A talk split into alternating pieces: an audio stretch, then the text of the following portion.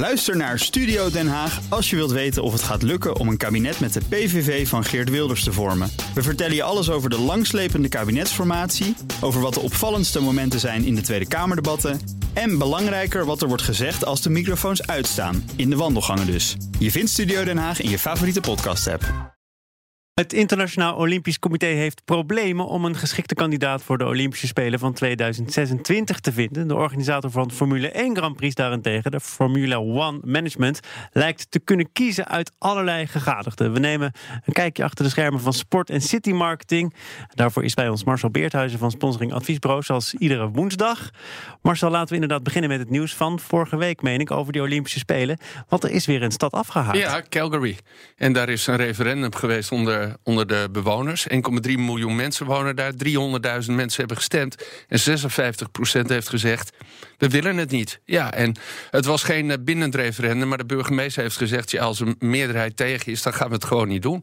En dit is nu al, geloof ik, de zevende keer achter elkaar dat een stad afhaakt vanwege zo'n referendum. Eh, en dat is dan met name in de westerse democratie. En hoe komt dat? Ja, bewoners zeggen, ja, het kost zoveel geld. Dit, uh, dit zorgt voor zoveel schulden. We willen dat evenement niet in ons land. Terwijl je voor Calgary nog zou kunnen zeggen, die weten waar ze aan beginnen. Er ligt nog infrastructuur, 1988. Yvonne van Gennep. Weet je nog? Weet je nog, ik was vier. Nou, het was een hele mooie winter. Maar zelfs zo'n stad zegt dus nee, we beginnen er niet aan. Ja, Calgary heeft ook wel heel lang opgezadeld gezeten met de erfenis van die spelen. En heel lang schulden moeten afbetalen.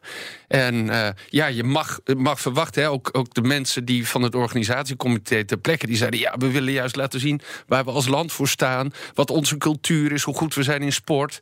Uh, maar ja, bewoners zeggen dan nee. En ja, dat zie je heel vaak. En dat mensen dan toch het gevoel hebben van het gaat zoveel geld kosten.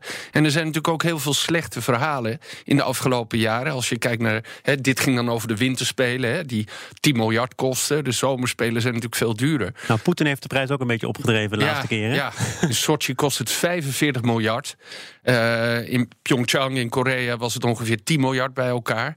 Maar het gaat dus ook ongelooflijk veel geld. En, en de vraag is, ja, hoe moet dit nu verder? Want het, het is ook eigenlijk misschien wel veel te duur. Is dit nog wel duurzaam?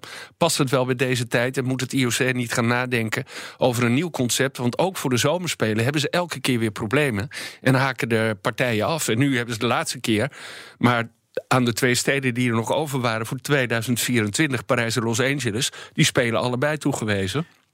Dus Parijs is 2024 en Los Angeles is 2028. Maar wat kun je doen? In Nederland hebben we het over de compacte spelen volgens mij. Als we zelf kandidaat zouden zijn. Maar hoe dan ook, die stadions die moeten wel gebouwd worden. Je moet ruimte bieden voor de atleten, voor de toeschouwers. Het is nou eenmaal gewoon een megalomaan nou groot evenement. Ja, maar er zijn natuurlijk heel veel oplossingen. En, en daar kom ik meteen en zeg... goh, is hier niet een kans voor Nederland, 2032? Zouden we niet onze vinger op moeten steken... om, om andere manieren te gaan verzinnen? Bijvoorbeeld door middel van mobiele stadions. Je hebt nu gezien bij de Europese Spelen die er zijn, dat er, dat er uh, meerdere landen dat organiseren. Dus de laatste Europese Spelen werden georganiseerd door Berlijn en door Glasgow. Moet je niet misschien als IOC gaan zeggen: ja, we gaan gewoon weer één plek kiezen waar alles gebeurt. Hè? Terug naar Griekenland, Athene. Ik weet niet of dat een goede keuze is. Maar dan een andere plek ergens op de aarde. Dat zijn natuurlijk allerlei manieren. Maar dat dat compacter kan, duurzamer. Uh, ja, dat, dat kan gewoon niet anders. En dat zal ook moeten. En ja, daar zeg ik, Nederland, kom erop. De Formule 1, daar is de situatie totaal anders. Daar zijn alle gegadigden die melden zich. Ja. Uh, Hanoi, in 2020 wordt daar een stratenrace georganiseerd. Een Grand Prix in Nederland. Hebben we het eerder over gehad? die gaat steeds komen. dichterbij. Die, oh, die, oh ja? Ja, die gaat heb je komen. nieuws? Ja, nou ja, dit staat in de kranten. En ik heb toevallig gehoord dat uh, inderdaad er een brief is geschreven van dat gaat naar Nederland toe. Uh, de voorkeur gaat uit naar Zandvoort. Overigens even voor de goede orde, dit gaat om andere bedragen. Maar het is wel serieus geld. 40 miljoen nog altijd? 40 miljoen, 20 miljoen uh, die je moet betalen uh, als fee aan het organisatiecomité, Formule 1 Management. En dan 20 miljoen om in, in Zandvoort om het circuit op te, te knappen.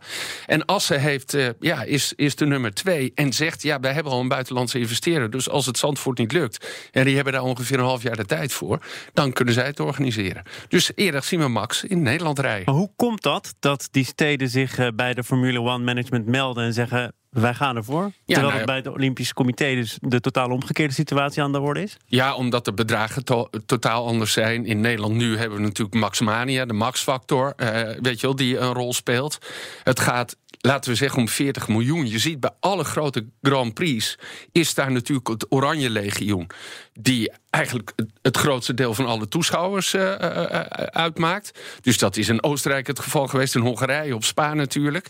Dus je kan zomaar verwachten dat er over drie dagen 300.000 mensen komen. Als die gemiddeld allemaal 100 euro zouden betalen, wat helemaal niet zo raar is. De zondag wat duurder dan de zaterdag en de vrijdag. Dan heb je al 30 miljoen. Dus de vraag is even, wie gaat dat dan voorfinancieren? Rutte heeft gezegd, de overheid stopt er geen geld in. We willen dat niet. Nou, daar, daar kun je ook over discussiëren, vind ik. Waarom? Want ja, men heeft uitgerekend dat de opbrengst van zo'n Grand Prix 85 miljoen is voor het land. Hè, aan hotelovernachtingen, belastingen natuurlijk. En, en uh, hotels en, en, en, en alles wat daarmee te maken heeft. Maar als het bedrijfsleven bereid is om dat zelf voor eigen rekening te nemen, dan hoeft de overheid toch geen gat te dekken? Nee, nee maar het zou best leuk zijn als, als Nederland zegt, wat ze ook doen bij de Volvo Ocean Race, als die hier komt, of de start van de Tour de France, dat ze daar wat geld in stoppen. Eh, ook hier zie je dat het bedrijfsleven wordt benaderd. Gaat Jumbo meedoen, gaat Heineken meedoen, gaat Exact meedoen. Maar ook hier zie je privé-investeerders opduiken die zeggen: Nou, ik wil dat risico best wel afdekken als ik daar een percentage voor krijg. Dus wat mij betreft verwacht ik dat dat wel gaat lukken. Dankjewel, Marcel Beerthuizen van sponsoring adviesbureau Big Plans. Graag gedaan. Ook Liesbeth Staats vind je in de BNR-app. Ja, heel handig. Luister live naar Kees en mij tijdens de Daily Move. Dan blijf je ook gelijk op de hoogte van breaking news en het laatste zakelijke nieuws. En daar vind je ook alle BNR-podcasts, waaronder de Perestrooikast. Download nu de gratis BNR-app en blijf scherp.